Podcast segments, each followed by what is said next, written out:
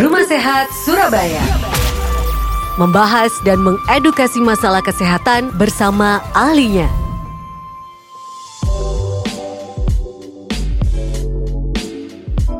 96 FM Merkuri sahabat dan seperti biasa di hari Rabu pukul 11 hingga 12 sahabat sudah waktunya Rumah Sehat Surabaya hadir menemani Anda sahabat ya selama kurang lebih satu jam dengan membahas uh, segala hal seputar kesehatan karena kita menghadirkan para ahlinya sahabat para pakarnya untuk ngobrol bersama kita di sini ada saya Sari dan juga Halo, Assalamualaikum, saya Ellen. Selamat siang semuanya sahabat. Ada Ellen Pratiwi, sahabat yang juga akan meng, uh, menemani kita di Surab Betul. Nah, ini kan uh, beberapa pekan kita sudah membahas banyak tentang uh, bagaimana COVID ya, kemudian hmm. juga update terus dari uh, tim uh, Ikatan Dokter Indonesia cabang Surabaya. Nah, untuk hari ini juga masih dari uh, tim dokter dari Ikatan Dokter Indonesia cabang Surabaya. Tapi temanya sekarang berkaitan dengan bulan Ramadan karena udah ya. beberapa bes lusa ya. Hari Jumat. Hari Jumat ya. Dan ini uh, tentunya berkaitan dengan kondisi sekarang karena mungkin di tahun-tahun kemarin kita tidak merasakan uh, suasana Ramadan seperti ini. Ini adalah sesuatu yang sangat spesial tahun ini ada berkah uh, wabah Covid ini sehingga uh, kita semua mesti bersiap-siap. Dan di sini ahli-ahlinya sudah hadir. Mungkin anda ingin menanyakan banyak hal berkaitan bagaimana pelaksanaan ibadah puasa untuk uh, terkait dengan kesehatan anda di tengah pandemi, ya. Terutama ini akan dibahas dari sisi medis. Dan sudah hadir di studio pagi hari ini yaitu Dr. Sondi Wibisono, spesialis penyakit dalam, konsultan endokrin metabolik diabetes, fellows of The Indonesian Society of Internal Medicine. Wah ini kalau dipanjangin panjang ya.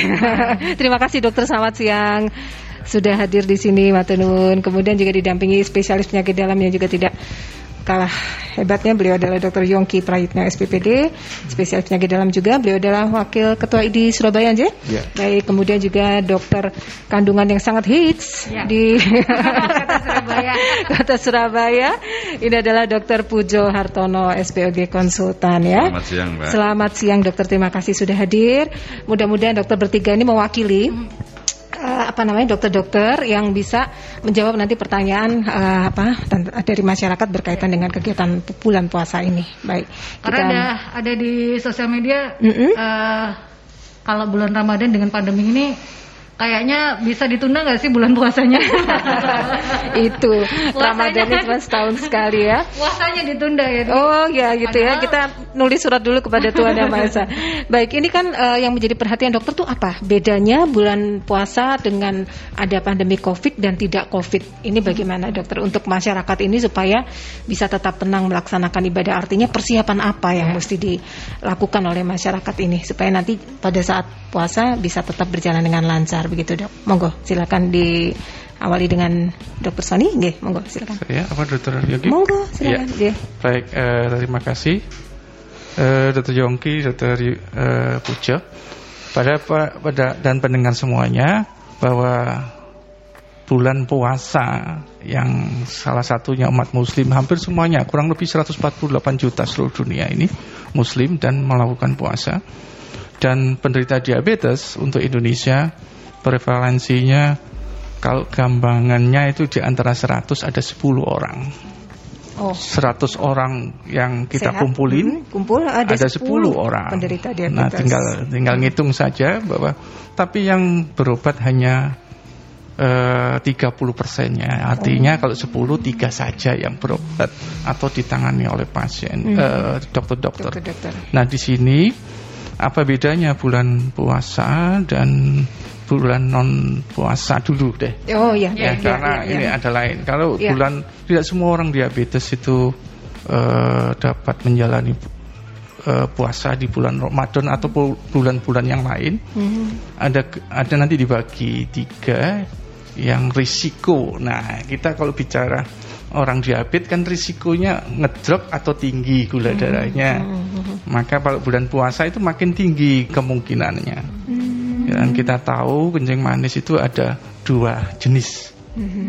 Yang tipe satu itu harus mutlak pakai insulin, mm-hmm. sedangkan yang tipe dua tanpa bisa tanpa pakai insulin. Tapi mungkin ada yang tipe 2 pakai insulin. Mm-hmm. Insulin adalah obat penurun gula yang pakai suntikan. suntikan. Mm. Uh, nah, berapa persen kemungkinan orang itu akan jatuh ke hipo maupun hiper? Memang justru uh, yang DM tipe 1 yang harus pakai insulin itu lebih tinggi. Tapi yang tipe 2 tidak kalah tingginya. Bisa sampai lima kali lebih banyak. Hmm. Dibandingkan yang tidak puasa ya maka kalau puasa risiko itu akan tinggi yang kedua orang puasa berarti tidak boleh minum hmm. kalau makan ya ngedrop atau tinggi gula darahnya ya hmm. tapi kalau tidak boleh minum berarti risiko dehidrasi hmm. Kurang cairan ya. dan ini memiliki komplikasi serangan jantung serangan stroke gula darahnya makin tinggi hmm. maka risiko-risiko ini pasien-pasien itu dibagi menjadi tiga hmm Mungkin dokter Yongki bisa jelaskan ya ringan, hmm. uh, moderate atau tinggi dan sangat tinggi. Hmm. Kalau sangat tinggi itu tidak boleh puasa.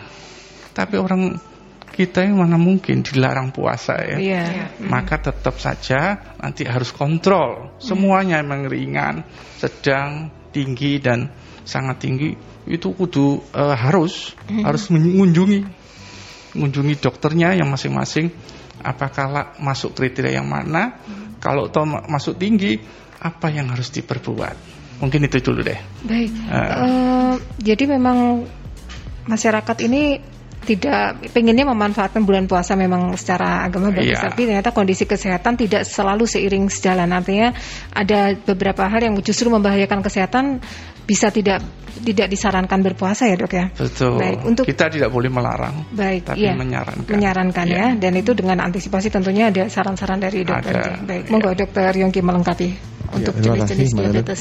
Uh, dari saya mungkin terkait dengan suasana pandemi COVID saat ini, ya.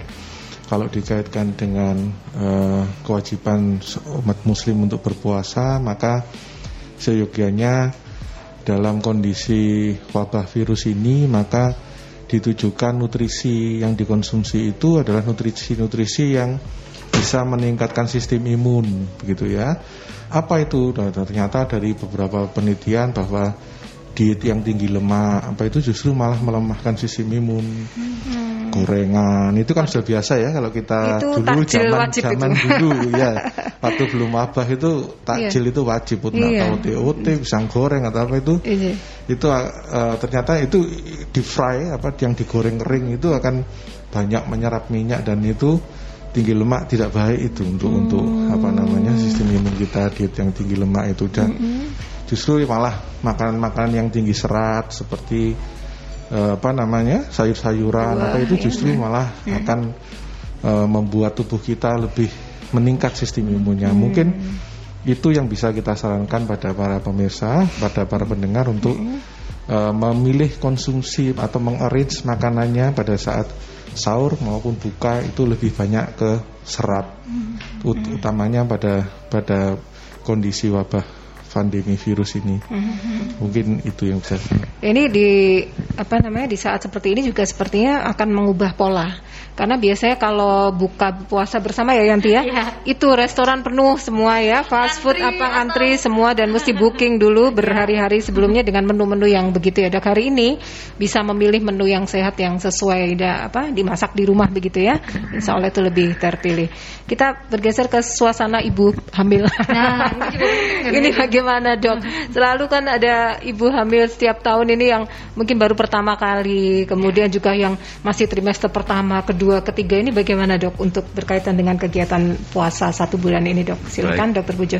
Terima kasih. Assalamualaikum warahmatullahi wabarakatuh. Waalaikumsalam warahmatullahi uh, wabarakatuh. Sebelumnya saya mungkin secara umum ya. J. Jadi saya kira ini hikmah yang luar biasa ya. Puasa saat pandemi ya. Kemudian juga menjelang PSBB ya. Jadi ini ini sebetulnya ya hikmah ya Eh, pada saat kita susah untuk menyarankan ke masyarakat untuk social distancing dan sebagainya mudah-mudahan dengan suasana puasa ini jadi hikmah yang luar biasa jadi kita bisa betul-betul melaksanakan social distancing nggak perlu keluar nggak perlu mm -hmm. Kalau mentu ya kesel.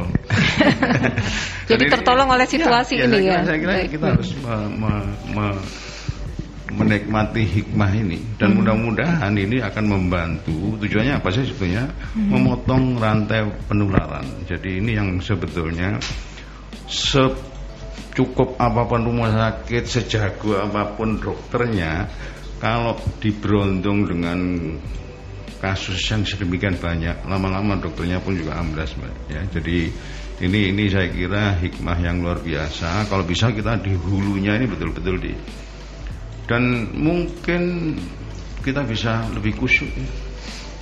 jadi dimanfaatkan betul di rumah ya seperti kebiasaan kita mening, menambah meningkatkan doa dan sebagainya mungkin ini akan ada hikmah tersendiri Ya, ya, dengan keluarga juga lebih dekat betul, karena berkumpul ya, ya dok jadi ya. Ini, hmm. ini saya kira uh, mudah-mudahan puasa apalagi ditambah PSBB di era pandemi ini menjadi kemudahan yang luar biasa Amal khususnya yang untuk Surabaya berlimbah ya, ya khususnya Baik. untuk Surabaya Baik. dan kalau bisa Surabaya ini dikunci jangan sampai tinggi dan kalau bisa dihabiskan ya. sehingga amin, kita bisa amin. bisa cepat bebas amin, nah terkait dengan wanita hamil Ada beberapa periode ya memang ya. Jadi trimester pertama itu memang periode yang sangat tidak enak. Mual, muntah, apa lihat apa pun juga enggak. Padahal di saat itu kebutuhannya cukup tinggi. Sebetulnya ya ada kemudahan ya. Tidak harus kalau memang nggak kuat ya jangan puasa. Hmm. Ya, kalau kuat ya silahkan. Jadi uh, kan masih ada regulasi yang ya, jadi... bisa diganti dan sebagainya. Mm-hmm. Ibu menyusui dan sebagainya. Kalau nggak kuat ya sebetulnya ya nggak harus dipaksakan mm-hmm. ya. Dan sebetulnya prinsipnya kalau masalah nutrisi itu sebetulnya kan wong kita setelah buka itu juga makanan juga hanya hanya uh, jarak makannya yang berbeda. Sebetulnya porsinya mungkin sama dan sebagainya bisa. Tetapi memang untuk diabetes memang berbeda karena itu dari waktu ke waktu. Tetapi kalau untuk ibu hamil yang normal-normal saja saya kira kok monggo silahkan. Kalau kuat nggak ada masalah hmm. ya. Uh, obat-obatan tetap sama saya kira cairan juga perlu apalagi khusus pada era pandemi ini cairan penting sekali saya kira jadi setelah puasa eh setelah buka itu dicukupi lah terutama cairan. Iya, saya kira kok itu. Terima kasih. Terima kasih kita bersama pendengar ya, ya dokter. Penelpon. Halo. Ya. Selamat uh, siang. Selamat siang. Mau tanya dokter? Iya, monggo ya, silakan. Jadi yang pertama bagaimana kita melakukan aktivitas olahraga di saat perbedaan dari kalau nggak ada pandemik dan ada pandemik ini kan olahraga juga uh, juga agak beda gitu loh. Uh, olahraga apa yang mungkin uh, bisa untuk umum, bukan hanya untuk yang kuat olahraga tapi yang lansia juga bisa. Apa sih? Apa cuma jalan-jalan aja? Apa apa gimana itu? Untuk yang pertama, yang kedua untuk asupan gizi ini kan beda dengan kalau nggak ada pandemik. Kalau waktu nggak ada pandemik kan kita ekonomi tercukupi terus mau makan walaupun nggak mewah tapi bisa beragam. Nah sekarang kita termasuk mengikat ikat pinggang, e, menyeratkan pengeluaran. Nah ini kan juga beresiko juga bagi yang berpuasa. E, gizi apa yang paling utamakan? Apakah e, hanya cukup cuma nasi dan lauk pauk seadanya untuk orang yang berpuasa? Karena kan nutrisi itu kan juga masih perlu ya. Kan kalau namanya nanti kalau kita nggak puasa nggak masalah tuh sekarang tapi kalau setelah puasa kan berbeda itu biasanya gimana sih awal awalnya biar kita bisa nggak down karena kalau sudah gizinya apa adanya nggak ada yang seperti pas nggak pandemik terus yang dimasukin juga sangat minim sekali nutrisinya ini kan bikin drop. Nah ini kan juga rawan dok. Terus terakhir soal berjemur. Kebiasaan orang sekarang kan masih ada yang masih menjalankan berjemur. Nah, di saat nanti pas sudah masuki puasa berjemur seperti apa yang bisa kita lakukan? Nanti adalah hari pertama sampai hari kelima ngedrop kafe pada mokel semua gara-gara berjemur terus gak kuat. Ya kan jangan sampai ya. Tetapi apakah terus gak usah berjemur wis? Ya tapi kan kita juga perlu tetap dapat asupan matahari. Meng mengakalinya bagaimana dok? Biar biar nanti tetap berjemur tetap bisa jalan tetapi nggak bikin kita ngedrop juga gitu loh. Karena ini suasananya beda banget ini. Ini bukan bukan karena kita berpuasa lagi tapi sudah benar-benar mager. Bukan mager nggak malas gerak ya. Nggak boleh keluar-keluar terus memang minim aktivitas. Mungkin kita agak fresh ya. Tetapi kan benar-benar gizi yang masuk pendapatan nggak ada juga susah juga. Nah, jadi ada tiga tadi, semoga ada jawaban. Terima kasih dokter, selamat selamat siang. Ya, selamat siang. Baik. Monggo silakan mau menjawab. Ya. Ya, terima kasih. Uh, untuk nutrisi seperti yang saya kemukakan di awal tadi di masa COVID pandemi uh, virus ini, maka uh, pemilihan makanan lebih karena nanti kita kan social eh, distancing ya, uh, physical distancing banyak banyak di rumah otomatis kita tidak banyak beraktivitas. Pada kondisi seperti ini komposisi makanan lebih baik karbohidratnya disedikitkan, dikurangi. Nah, supaya di rumah itu nggak gampang lapar dan lebih tahan tahan lapar.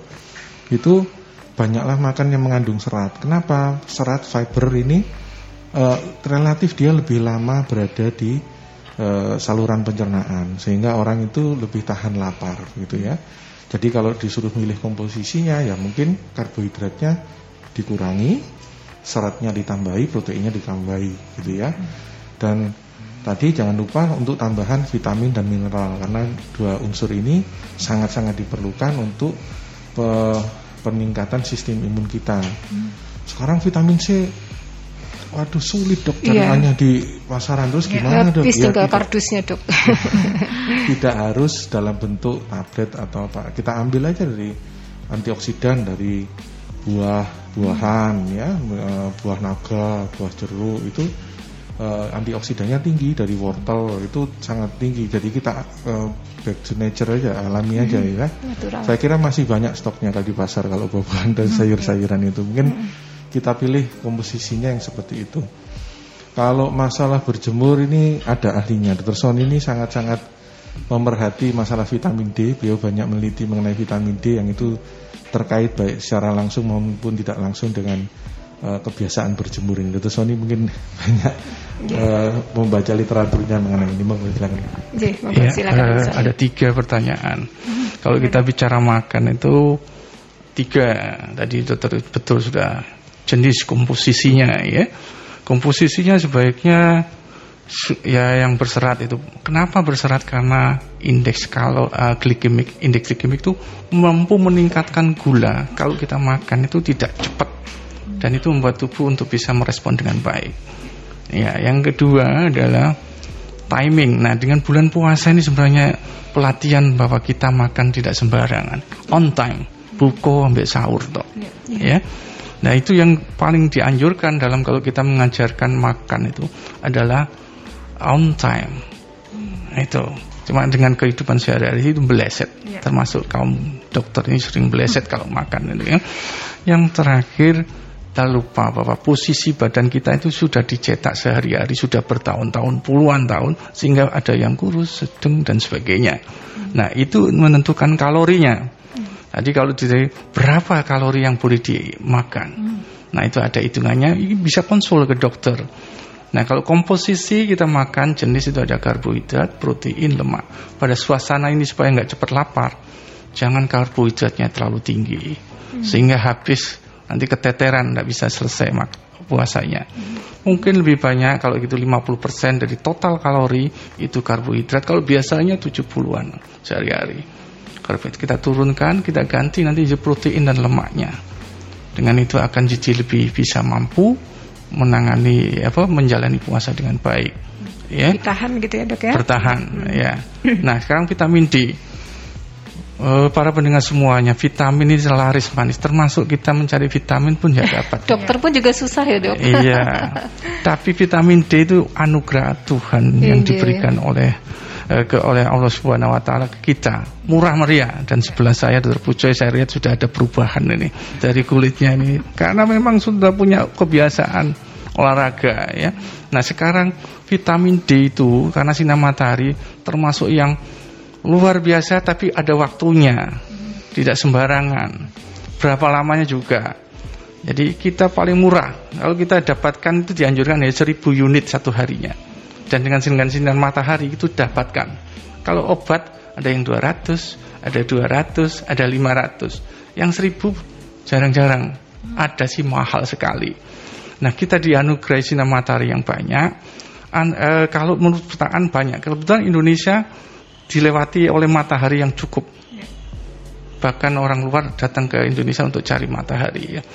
Nah itu antara jam 7 sampai jam 12. Ada yang menganjurkan setiap hari, setiap hari ya.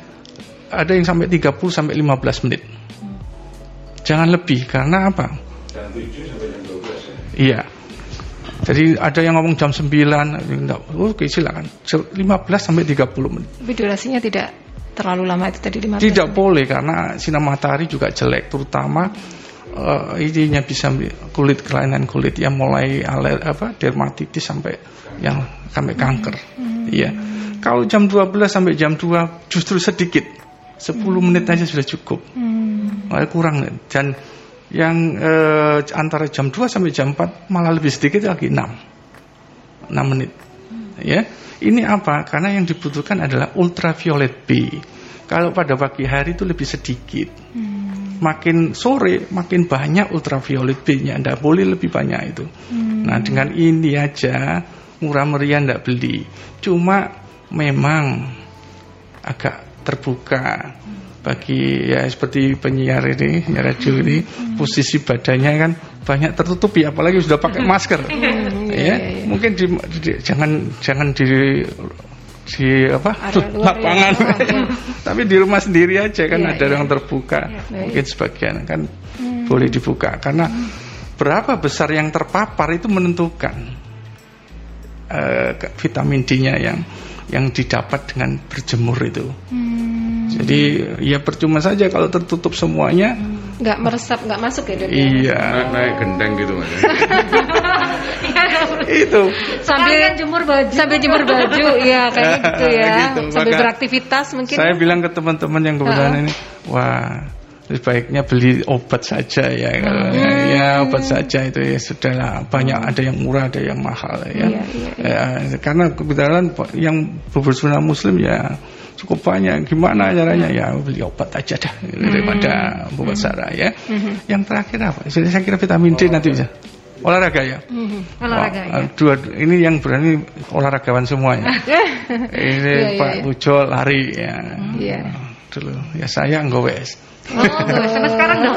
Alhamdulillah ini teman saya gue saya suruh dengerin karena banyak diabetesnya. Oh. ya, itu Dr. Yeah. Juga gue yeah. itu Nah, olahraga bagi orang pada umumnya disebut aktivitas fisik. Hmm. Nah, aktivitas fisik selalu harus ada. Karena aktivitas fisik bukan saja untuk menurunkan berat badan, tetapi itu membuat kesehatan cukup bagus. Orang makin tua adalah ototnya makin menyusut. Saya lihat rekan saya ini senior saya waktu Pak Pujo sekolah, saya juga sekolah tapi yang paling ini dokter muda. Tapi ototnya masih cukup. Justru inilah yang membuat orang lebih sehat. Hmm. Ya, jadi bukan hanya menurunkan berat badan, hmm. masa otot perlu diperhatikan. Hmm. Ya, tidak gampang jatuh. Yang kedua adalah banyak molekul-molekul di dalam tubuh itu uh, akan meningkatkan ininya apa kinerjanya, metabolismenya kalau ototnya ada. Dan ini sering pada ada orang ke dunia kedokteran ada yang disebut geriatri, penyakit yang membidang apa kesehatan ilmu yang membidangi ilmu tua. Tua. Ya. Usia tua. Itu karena harus masa ototnya gimana meningkatkan kalau dari awal kita uh, melatih olahraga dengan aktivitas fisik itu akan jadi baik. Ya. Nah, aktivitas fisik apa? Cukup 30 menit yang paling mudah adalah jalan kaki aja. Hmm. Dok gak keringetan, Dok. Nanti akan tambahin 30 menit 3 kilo. Wah gak iso. Pokoknya 30 menit mencapai berapa aja itu sudah bagus. Ada penelitiannya. Apakah harus di luar? Ya? Tidak. Betulan pada ini Dr. Pujo, saya melakukan uh, penelitian di indoor hmm. untuk meningkatkan vitamin D. Hmm. Katanya vitamin D hanya di luar. Di luar. Iya. Ternyata ada manfaatnya melatih oh. olahraga dapat meningkatkan vitamin D. Oh, Dasarnya adalah vitamin D itu disimpan di sel lemak. Oh. Untuk dikeluarkan harus di kurangi olahraga. olahraga. Oh, banyak sekali. Harus digerakkan.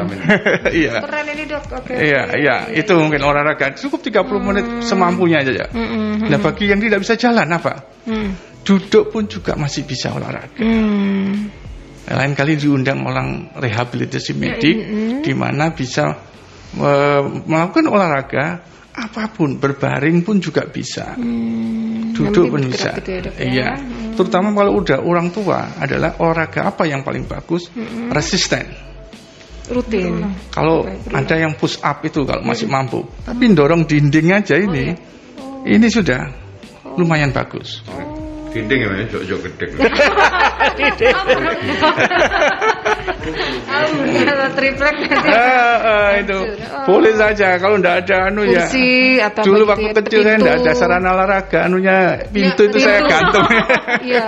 Oh. Jadi apa saja. Jadi kuncinya adalah harus bergerak uh, Selalu bergerak. memunculkan uh, apa namanya uh, vitamin D-nya iya. tadi itu dok ya. Bahkan saya bilang olahraga itu harus dibeli. Dokter oh. Pujo ini berangkat ke Koni jam berapa? Mestinya harus tidur, tapi jam 5 sudah sampai di sana. Ini harus dibeli waktu. Iya, uh, iya, ya. iya, iya, iya. Uh, saya hmm. pernah ditanya oleh pejabat di Jawa Timur. Dokter Sony pakai jam kayak itu untuk saya tidak pakai jam sekarang karena hmm. nah semuanya tidak pakai jam. Oh dokter yang yeah. karena covid ini ini kan bisa dihinggapi. Hmm. Saya tidak pakai jam. Tapi waktu selalu saya dari saya pakai jam olahraga. Hmm. Kenapa dok? Itu sendiri yang olahraga ya. Apa ini? Wah ini gowes sih. Iya. Sih kapan dok mulai ini saya itu saya sekian. Oh, di antara kegiatan kita selalu bisa olahraga. Salah satunya kantor saya sama Dokter Yongki ini di lantai tujuh. Wow. Ya sekali sekali, bukan turunnya, naiknya harus. Oh iya. iya nah iya. turunnya nggak apa-apa. Nah, satu hari satu aja sudah cukup. Oh. Ya iya, itu iya. sudah tujuh lantai, dihitung dihitungannya. Tujuh lantai saudaraku. Iya, nggak apa-apa itu. Bagi yang mampu yang nggak mampu jangan. Nah, membulatkan niat itu juga perlu dok kalau iya. olahraga. Niat itu harus dibeli. Iya. iya. Orang berpuasa pun berniat. Iya, betul. Ya, ya, ya. Orang melakukan sholat berniat. Ya. Tidak ada niat nggak akan dikerjakan. Baik, ya. sekali. Luar biasa penjelasannya. Saya kira juga terpuja, terkait olahraga ini J. menarik sekali. J. Jadi intinya sebetulnya balance ya. Kita hidup ini harus balance. Mm -hmm. Makannya juga kalau makannya banyak ya olahraganya juga harus banyak. Oh ya, asupan banyak, olahraganya banyak. Jadi semuanya cukup lah kalau bisa. Ya rekreasinya cukup. Istirahat juga cukup ya. Jadi jangan jangan ini jangan ini dokter Sony karena prakteknya sampai jam 2 malam.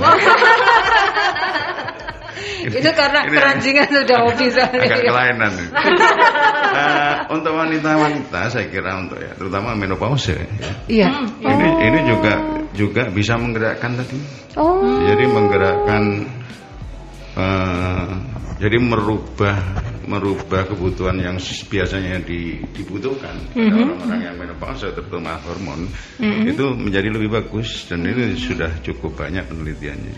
Mm. Kalau saya tadi ada satu pertanyaan yang sebetulnya agak menarik juga bahwa ini semuanya sudah ikat pinggangnya di, yeah. diperkuat ya. Jadi ya kepingin sih sebetulnya memenuhi asupan tapi nggak ada mungkin kita kita masih mungkin tapi banyak saudara-saudara kita yang mungkin mungkin kasihan sekali apalagi sudah PHK dan ini saya kira mungkin kita terpaksa harus menggerakkan mumpung bulan puasa kita yang berlebih untuk selalu ingat kepada teman-teman kita yang kekurangan hmm. jadi Dan mungkin mungkin melalui media ini polanya yang disesuaikan. Jadi jangan semuanya nasi bungkus. Hmm. Tapi barangkali mungkin ada buah, ada sayur yang dibagikan. Satu hal yang saya ingin mengingatkan, ada kebiasaan kalau bulan puasa gini bagi-bagi. Ya. Nah ini yang hindari, entah bagaimana caranya, barangkali dicari mekanismenya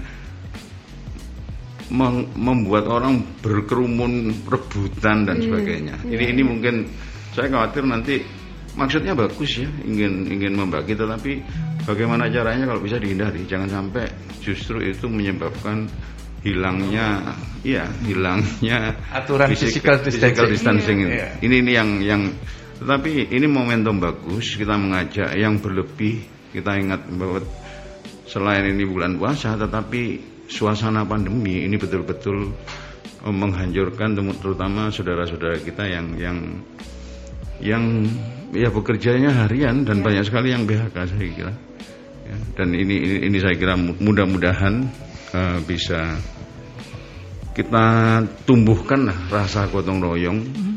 ya.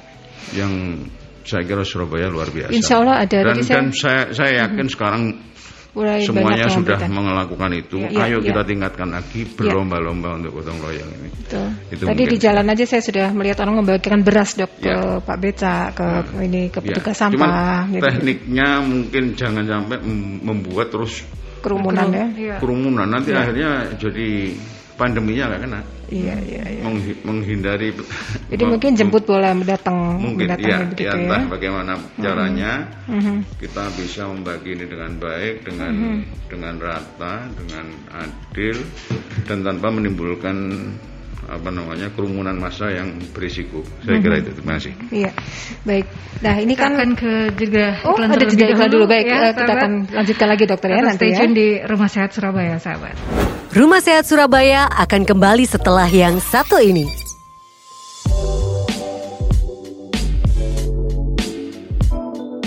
96 FM Merkuri, sahabat masih di perbincangan Rumah Sehat Surabaya. Kita membahas tema berpuasa di tengah pandemi dari sisi medisnya. mm -hmm. tadi. Ya, dan masih bersama Dr. Yongki Prayitna mm -hmm. SPPD, Dr. Sony Wibisono SPPD, KEMD Finasim, dan Dr. Pujo Hartono SPG Konsultan. Silakan untuk Anda yang ingin bertanya-tanya ya, mm -hmm. boleh nanti silakan kami masih hadir sampai dengan jam 12 nanti. Tadi sudah banyak hal. Ada, hmm? uh, oh, ada pertanyaan ya? Baik, ya. monggo silakan. Dari WhatsApp dari Pak Renaldi, menurut dokter apa bedanya menjalankan ibadah puasa di tengah pandemi COVID-19 dan dalam kondisi yang biasa saja? Apakah ada persiapan khusus lainnya yang harus dilakukan oleh warga masyarakat ini, dok? di tengah maksudnya vitaminnya dua kali lipat atau apa gitu mungkin dok apa proteinnya bisa diganti dengan uh, tempe dan tahu itu boleh nggak sih dok? Monggo kan, silakan. Mengecakin ke pinggang ya dok. boleh nggak sih dok? Kalau saya justru justru satu hal yang positif seperti yang saya sampaikan tadi, jadi berpuasa di era pandemik ini hal yang sangat positif. Karena apa? Uh, Fokus ya dok ya mungkin ya, lebih ada anjuran memang stay at home nggak boleh keluar, mm -hmm. kemudian jaga jarak, kemudian melakukan kegiatan di rumah. Nah dengan puasa, apalagi ditambah PSBB, ini saya kira sudah pas ya. Mm mudah-mudahan mudah-mudahan ini menghasilkan sesuatu yang besar sekali. Apa? Angka ini akan terkunci atau turun atau hilang sama sekali. Mm-hmm. jadi penularan itu tidak ada lagi ya. Kemudian WHO juga sudah membuat membuat acuan. Dikurangi saya kira dari sisi agama mungkin saya nggak terlalu paham tetapi tidak harus melakukan kegiatan di luar rumah katakanlah sholat tarawih bersama dan sebagainya tetapi itu pun juga keyakinan ya tapi mm -hmm. kalaupun itu dilakukan jaraknya harus betul-betul dijaga mm -hmm. ya kemudian jangan lupa kebersihan ya kita mungkin sering mm -hmm. karpet mm -hmm. sajadah dan sebagainya mumpung panasnya lagi seperti Terik, ini ya. jadi bukan badan kita saja yang dibersihkan tetapi mm -hmm peralatan peralatan peralatan ini saya kira hmm. penting untuk mumpung seperti ini ya gitu. Mereka juga butuh vitamin D kayaknya. Iya iya, sejadah, karpet itu perlu semua ya dok ya. ya. Sarung mukena itu harus tetap dijemur Betul, berarti iya, ya. ya. Oh, oh, Oke, okay. jadi ya. kebersihan ini ya. Iya. Untuk perlengkapan dari betul, kegiatan betul, Ramadan ya. ini. Baik, monggo ada tambahan dokter? Iya, saya ya. rasa setuju sekali dengan dokter Pujo ya. Jadi orang berpuasa jelas uh, asupan dari Eh, kalorinya kan hanya dipindah saja, lebih tinggi yang di malam hari dan kurang atau tidak boleh pada siang hari. Nah, kalau kita bicara kalori berarti kan harus ada ini kan untuk mencukupi aktivitasnya. Nah bulan puasa adalah aktivitas malam yang lebih banyak. Ya, harus malam itu juga berat. Nah, ini dalam masa pandemi ini akan lebih kusuk lah ini. Ya kusuk untuk mengerjakan sesuatu kegiatan ibadah baik yang wajib maupun sunnah di rumah. Ini maka lebih kusuk menurut saya. Ya sehingga nanti insya Allah ibadah puasa maupun ibadah sunnah di bulan Ramadan akan diterima oleh Allah ya. Karena tidak ada yang uh, ini tidak ada yang mendengarkan semuanya ini mengganggu apa semuanya dikerjakan. Nah mengenai uh, mak, uh, mencari uh, ini apa untuk mencukupi makanan, sekarang kan sudah ada sistem mengantar uh, ya. ya online ya. Ya ini dari segi uh, pandemik ini ternyata ada suatu saat di mana profesi tertentu mendapatkan rezeki. Hmm. Ya. Hmm. Dari apa? Jadi tidak bisa menghindari kontak terlalu banyak ya hanya dengan penjual ini uh, yang mengantarkan aja ya. Terus juga uh, uh, ininya apa di rumah tinggal uh, mengaplikasi apakah ini bisa uh, untuk semua masyarakat? Tidak. Nah pada saat inilah bagi yang mampu mengerjakan mungkin pesan itu pesan-pesan makanan apa-apa tetap melalui itu tapi bukan untuk dirinya tapi diberikan untuk orang lain. Hmm. Saya rasa bisa saya tidak punya anak saya yang tahu mau kirim ke mana pesan di mana hmm. bisa. Ini nah, bisa bisa. Iya. Eh, nah itu ini rasanya dengan berbagi sistem lebih banyak juga bisa ya? di mana-mana hmm. bukan untuk kita sendiri tapi bukan ya. kita sendiri ya, untuk ya, orang, orang ya, lain iya itu yang ya. bagus sekali saya iya iya jadi itu sudah sudah berlangsung dari awal pandemi ini dok itu uh, gerakan tapi gerakan untuk masif puasa, uh, ya itu untuk memang. puasa mau ngirim untuk ke panti asuhan ya, atau ke mana ya. melalui itu kan juga bisa Betul. diinfokan ke yang mau dituju nanti ada kiriman uh, jadi masa-masa pandemik ini di satu sisi kelihatannya kurang baik atau sangat kurang baik, tapi di sisi lain membuat kita kembali kembali ke rumah, kegiatan rumah. Ya, ternyata dengan sistem ini teknologi kita bisa membagi hmm. ya, membagi kebaikan, ya? kebaikan kita, hmm. kelebihan kita. Hmm. Karena ada pandemik ini bisa diberikan.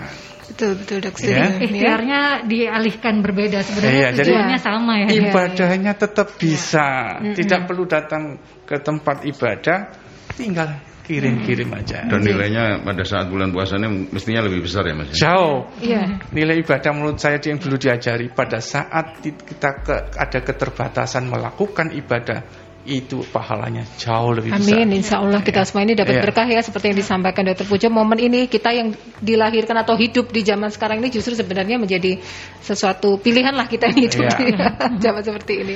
Baik, terima kasih. Ada, Ada lagi pertanyaan lagi dari Pak Rino. Uh, Pak Rino ini pernah mendengar kalau puasa bisa meningkatkan imun tubuh di tengah pandemi sekarang ini. Pertanyaannya kenapa selama ini justru menyerukan uh, salah satu cara adalah mengkonsumsi vitamin, kemudian minum rempah-rempah sehingga membuat barangnya langka dan harganya mahal. Kenapa dari awal tidak mengatakan sebaiknya berpuasa saja untuk meningkatkan imun tubuh? Apa nih dok pendapatnya ya. tentang hal tersebut? Dokter ya. Uh, salah satu peneliti yang yang mendapatkan hadiah Nobel dari Jepang, dia meneliti mengenai autofagi. Autofagi ini suatu proses yang sudah ada di dalam tubuh kita yang itu prosesnya adalah menghabiskan sampah dari tubuh kita. Jadi kita ini kan hidup menghasilkan sampah. Sampah itu di diolah oleh proses yang namanya autofagi untuk kemudian dia menghasilkan energi. Ya. Dan ternyata autofagi ini meningkat berkali-kali lipat pada saat kondisi puasa. Jadi memang sudah tepat kalau misalnya ada energi itu bisa dipakai untuk meningkatkan eh, sistem imun salah satunya. Jadi saya kira benar sekali kalau anjurannya itu dengan berpuasa dan memang di balik puasa itu masih banyak misteri yang uh, belum belum terpecahkan ya. Salah satunya melalui mekanisme autofagi itu. Autofagi ini bisa kita tingkatkan dengan berpuasa. Saya kira apa namanya uh, itu sudah sudah disepakati oleh para ilmuwan di seluruh dunia. Itu salah Tapi kalau pas nggak Ramadan dihimbau puasa juga nggak tega juga ya dok ya. mungkin puasa sunnah mungkin ya kalau yang ya, muslim. Tapi kalau non muslim sunnah. juga nggak ini ya. Tapi sebenarnya bulan puasa itu adalah melatih kita kembali fitranya ya keteraturan. Iya iya. rutin, keteraturan. tertib ya dok ya. Justru keteraturan inilah yang hmm. membuat seseorang itu bisa lebih sehat. Hmm. Karena kalau kita seperti uh, kami semuanya datang ke sini tidak jam 11 mm. setengah 11 sudah sampai di sini mm. itu supaya tidak stres yeah. nah ada hormon-hormon yang memicu supaya terjadi imunnya menurun mm. nah ini maka ini kayaknya kembali ke fitrah pelan-pelan ya tujuan dari Ramadan nanti Idul Fitri kembali yeah. ke fitrah mungkin itu bisa ya. diteruskan ya kebiasaannya ya dok ya ya itu begitu keteraturan ya. dalam yeah. membayangkan ibadah yeah. melakukan pekerjaan mm itu hmm. akan menjadikan sesuatu tidak stres hmm. karena kebetulan saya juga belajar di stem cell selnya orang yang stres dalam hal ini yang gemuk sekali hmm. sama dibandingkan yang tidak gemuk yang normal itu ternyata sel radangnya lebih tinggi oh, ya nah gitu ya, itu ya? makanya lebih baik meskipun bos ada faktor risiko hmm. santai saja. Nanti kita bikin tema khusus kayaknya termasuk membersihkan pikiran-pikiran kotor ya. Nah, ya. Nah, ini mungkin mewakili dari ide karena mungkin waktunya sudah tidak banyak. Iya. Jadi uh, masih adakah itu uh, hotline, kemudian donasi alkes yang mungkin masih terus diperlukan ya karena kondisinya juga masih apa namanya? Ya, uh, masih dibutuhkan juga gitu ya. Bisa menghubungi Mbak Eki ya di mana di kantor ID gitu. Saya kira kita ada ada ada hotline yang termasuk uh, untuk SPOG juga ya untuk pertanyaan-pertanyaan ya? pertanyaan-pertanyaan tentang kesehatan. yang terkait dengan kesehatan. Saya kira mm -hmm. kita masih terbuka untuk melalui ada nomornya saya kira Pak Yonggi. Ya, ada, ada. Di 08123455. Ya, ah. mm -hmm di 081 ya 081 mm -hmm. 2345 mm -hmm. 1217 ini bisa 24 jam by ya. WA saja ya tidak ya, tidak ditelepon ya para ya. sahabat ya jadi ini lewat WA pertanyaannya apa aja ya dok ya Siap. tentang kesehatan ya. Hmm, baik 081 2345 1217. Nah, ini uh, Anda bisa menanyakan kalau mungkin galau-galau tengah malam, saya kok bersin nggak berhenti berhenti galau tengah malam. Bukan kalau yang itu dong. itu kadang orang Parno udah, uh, uh, bersin kok nggak berhenti. Ya kalau donasi masih jalan ya, Dok ya? Masih. Apa aja sih yang dibutuhkan dok sekarang dok? Masker apakah masih Karena sangat minggu lalu dokter Pramono mengatakan masker yang masker yang sangat urgent gitu iya. ya mungkin ya. Sekarang update apa, update apa dok hari ini, ini yang diperlukan dari masyarakat mungkin? Sementara masih ke prinsipnya kita menerima uh, barang ya. ya. Barang ya. Bukan uang. Jadi mm -hmm. itu semua akan kita donasikan, kita kita salurkan kepada yang membutuhkan dan bisa diupdate apa namanya penyaluran kita di Instagram dan Facebooknya ID cabang Surabaya. Mm-hmm. Selalu kita laporkan untuk untuk distribusi. Jadi rasanya setiap hari ada serah terima kepada pihak-pihak kesehatan hampir ya dok ya, hampir setiap hari. Kegiatan kita rutin seperti itu. Kita terima kasih sekali untuk para donatur yang sudah uh, apa namanya selama ini sudah mendukung sehingga rumah sakit hampir semua sudah ya dikunjungin ya dok ya. Se Surabaya ini klinik-klinik, praktek dokter, kemudian apa layanan-layanan kesehatan puskesmas juga ya dok ya? Baik masyarakat luar biasa. juga, Monggo. masyarakat, oh masyarakat juga. dapat ya? kalau nggak salah membagikan uh, masker kain ya? Masker. Oh baik baik baik ya. Tadi ada yang menarik. Mm-hmm. ya memang kita nggak menerima uang karena ribet dan susah. Tapi yeah. uh, yang ingin mendonasikan uang belikanlah makanan saya kira untuk orang-orang yang membutuhkan. Begitu. Saya oh himbauannya begitu dok saya kira jangan mm-hmm. sampai terus niatnya ini nggak jadi. Ya jangan sampai gagal gitu ya. Karena masih banyak dan saya kira pasti diperlukan insya Allah orang-orang yang memerlukan baik baik mungkin dokter Sony, dokter Sony ini untuk himbauan uh, persiapan ini ya persiapan kita memasuki bulan Ramadan untuk yang sehat maupun yang sedang ada gangguan dengan diabetes mungkin bagaimana terutama supaya lebih baik oh. terutama untuk pasien diabetes sendiri ya. Ya, uh, saya kira hampir sama aja semuanya. Tidak usah takut dengan uh, se, uh, dengan bulan puasa ini. Tetap sama seperti tahun yang lalu. Cuma pertama siapkanlah semuanya di rumah. Hmm. Siapkanlah semuanya di rumah. Siapkanlah semuanya di rumah. Sudah punya salurannya. Kalau tidak punya HP ya ditelepon juga bisa. Hmm. Ya, jadi itu. Tapi kalau sudah cukup untuk dirinya, salurkanlah kelebihan-kelebihan yang dimiliki untuk ke orang yang membutuhkan. Untuk kontrol apa harus tetap hadir? Karena kan ada beberapa dokter yang membatasi pertemuan dengan pasien, dok. Iya, kontrol pilihlah yang emergensi saja. Hmm. Yang tidak emergensi bisa dihubungi masing-masing dokternya melalui telepon atau WA. Mungkin hmm. WA. Kalau saya WA, hmm. hampir semua kebetulan kita ini ahli diabetes, maka termasuk risiko dari semua pasien-pasien yang ini pandemi ini adalah hampir banyak adalah pasien diabetes. Ya, maka kita anjurkan tidak kontrol melalui datang fisik kecuali memang emergensi. Emergensi bisa datang ke UGD atau ya paling enak di UGD kita masih buka di rumah sakit tapi kita kurangi mm-hmm. ya kenapa sarana kesehatan ada ini APD mm-hmm. kalau satu kali periksa mungkin harus diganti kalau ada yang lain mm-hmm. maka berapa itu akan mm-hmm. uh, kebutuhan mm-hmm. sangat besar sekali mm-hmm. Baik, ya kita ya. tidak bisa menolak untuk uh, periksa dok anu pasien tapi ada panduannya iya iya ada ditambahkan mungkin dokter Yongki silakan hmm. iya baik uh, di masa pandemi virus ini uh, Pak terutama untuk pasien-pasien diabetes ya. Jadi siapa yang paling gampang tertular oleh virus ini adalah mereka yang sistem imunnya turun dan pasien-pasien diabetes adalah salah satunya ya. Uh, pasien diabetes yang bagaimana? Pasien diabetes yang gulanya tidak terkontrol. Jadi di masa uh, bulan Ramadan ini saat akan menjalankan uh, ibadah uh, puasa Ramadan sebaiknya eh, pasien-pasien uh, diabetes lebih dapat mengontrol uh, kadar gulanya. Bagaimana pola karena setiap pasien akan beda karena terapi pada diabetes itu tailor made ya, jadi sangat-sangat individual. Cocok untuk A, tidak cocok untuk B, hmm. cocok untuk C, tidak cocok untuk D begitu ya. Sehingga berkonsultasilah pada dokter uh, pribadi mm-hmm. Anda mm-hmm. mengenai pola puasa yang paling pas untuk dijalani di uh, masa bulan Ramadan ini mm-hmm. gitu. Mm-hmm. Mungkin itu.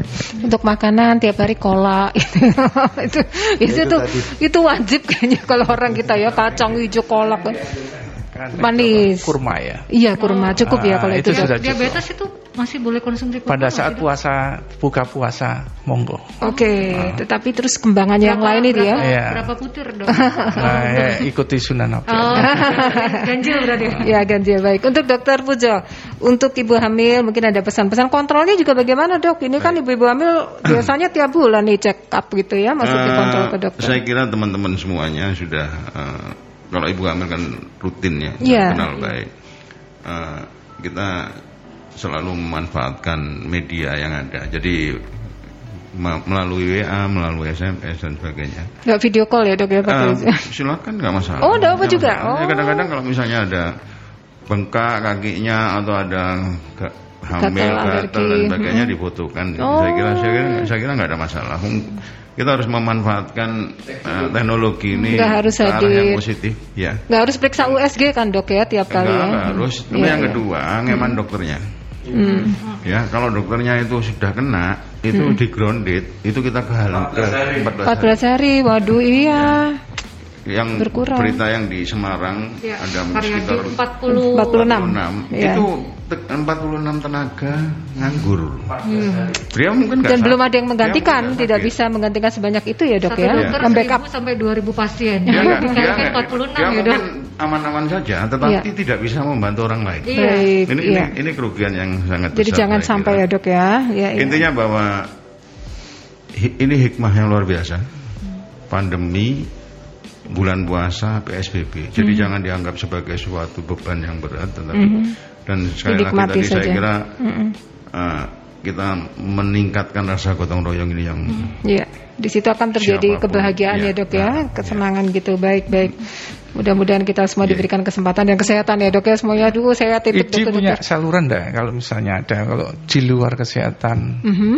ada hotline untuk dihubungi gitu kalau ada ya jadi ID menerima juga apa pun okay. keduanya, sehingga nanti mungkin dari anggota ID bisa membantu iya. disalurkan melalui ID. Iya, jadi untuk warga ya. Surabaya juga beruntung karena ID Surabaya cukup aktif dan juga sangat bisa membantu. Ya, mungkin Dokter Yonggi sebutkan lagi. Iya, oke. Okay. Nomornya ada di sini dok. Ini saya, uh, tulis di situ ya. Iya, supaya bisa dimanfaatkan. 081 ya. Hmm. 2345 hmm. 1217. Oke. Okay.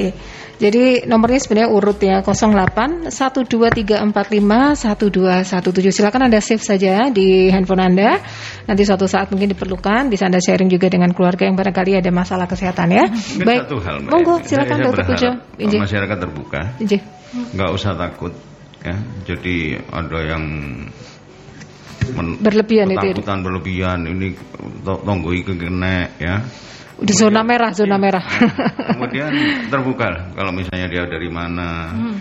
Ini ada. Oh, iya kejujuran itu, pasien ya, ya dok ya.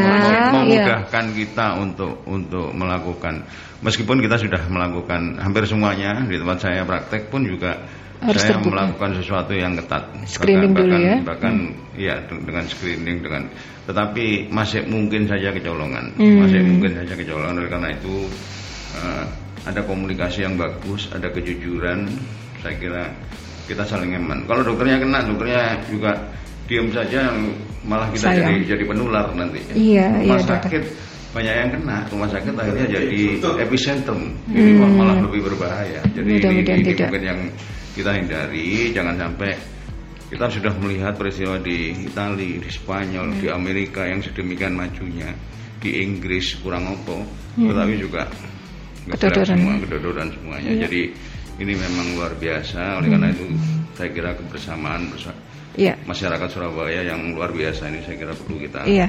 Jadi kejujuran pulang dari mana, pergi dari mana itu harus disampaikan karena itu akan membuat lebih berhati-hati dalam pemeriksaan kesehatannya ya, Dok ya. Iya, apalagi juga mungkin ada keluarga yang baru saja meninggal karena Covid itu harus disampaikan ya. Itu karena uh, akan menjadi gar apa uh, perhatian dari petugas medis. Baik, baik. Mudah-mudahan bincang-bincang kita bermanfaat ya, Dokter. Iya, walaupun cuma sebentar saja. Terima kasih. Tetap jaga kesehatan ya, Dok ya. ya. Terima kasih untuk ID Surabaya juga dan juga dokter-dokter semuanya. Monggo. Nah, uh, tetap semangat tentunya untuk sahabat-sahabat Merkuri karena kita harus yakin dan percaya bahwa pandemi ini akan segera berakhir, Amin. Mudah-mudahan segera. Tetap saja di 96 FM Merkuri karena perjalanan tas kota masih akan lanjut menemani Anda dan Anda bisa kembali mendengarkan Rumah Sehat Surabaya yang hadir setiap Rabu pukul 11 hingga 12 siang. Wassalamualaikum warahmatullahi wabarakatuh. Terima kasih sudah mengikuti Rumah Sehat Surabaya.